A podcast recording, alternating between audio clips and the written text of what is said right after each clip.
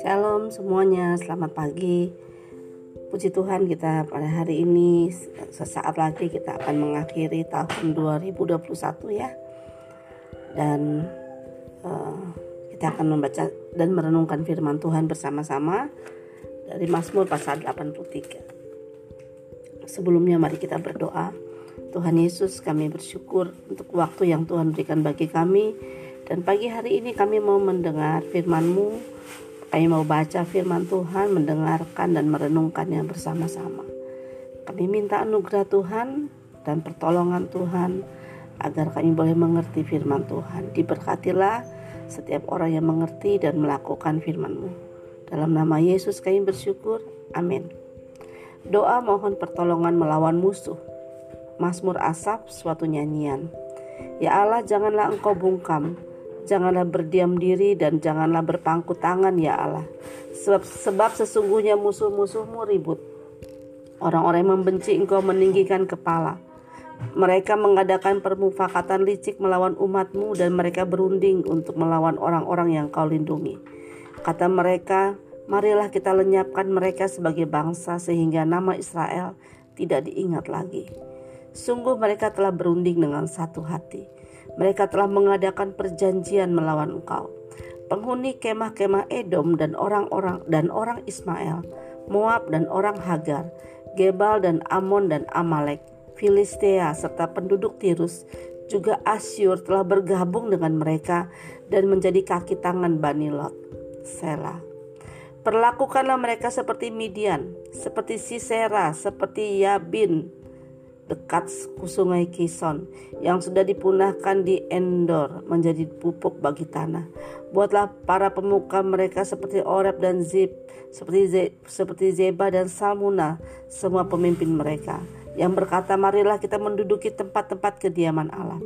Ya Allah, buatlah mereka seperti dedak yang berterbangan, seperti jerami yang ditiup angin, seperti api yang membakar hutan, dan seperti nyala api yang menghanguskan gunung-gunung. Kejarlah mereka dengan badaimu dan kejutkanlah mereka dengan puting beliungmu. Penuhilah muka mereka dengan kehinaan supaya mereka mencari namamu ya Tuhan.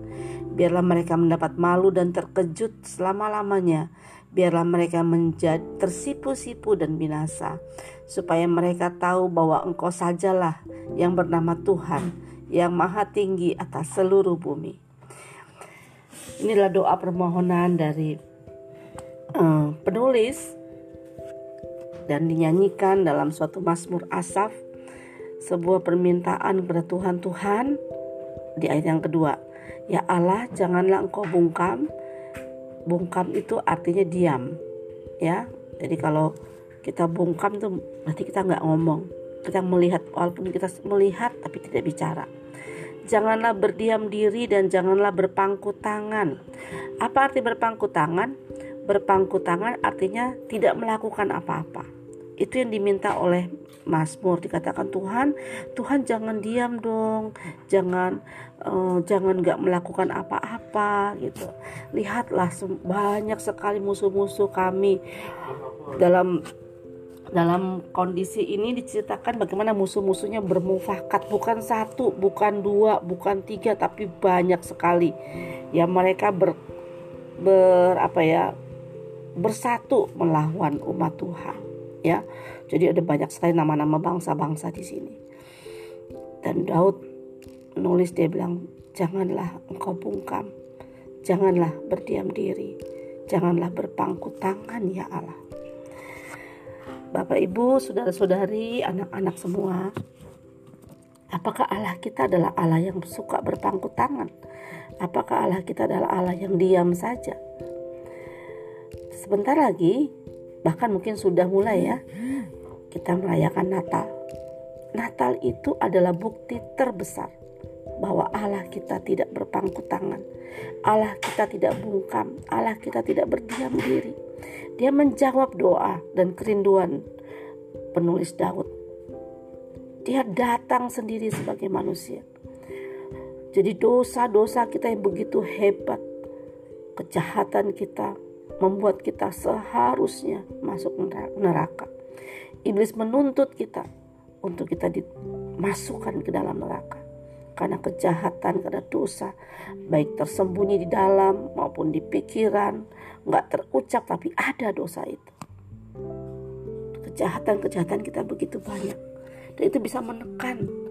Belum lagi persoalan-persoalan yang lain, tapi Allah tidak bungkam. Dia datang, bahkan dia datang sendiri. Dia bukan hanya mengirimkan utusannya para malaikat, tapi dia juga datang sebagai manusia yaitu Tuhan kita Yesus Kristus. Sebabnya anak-anak kita bersyukur kepada Tuhan ya. Karena Tuhan tidak pernah diam dan tidak pernah bungkam. Dia bisa dijamah. Dulu Daud memang tidak bisa melihat Allah menjadi manusia. Tapi kita sudah mengalaminya. Yesus sudah menjadi manusia.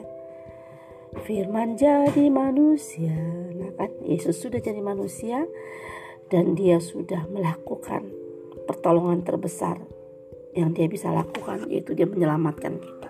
Itu sebabnya kita percaya bahwa Allah tidak mungkin diam, Allah tidak mungkin bungkam.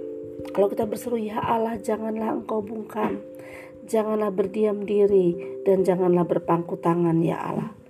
Maka hari ini kita tahu bahwa Allah kita tidak diam, Allah kita tidak bungkam dan Allah kita tidak berdiam diri. Berserulah kepada Tuhan. Tuhan dekat dengan kita. Tuhan ada dalam hidup kita dan Dia menyertai kita.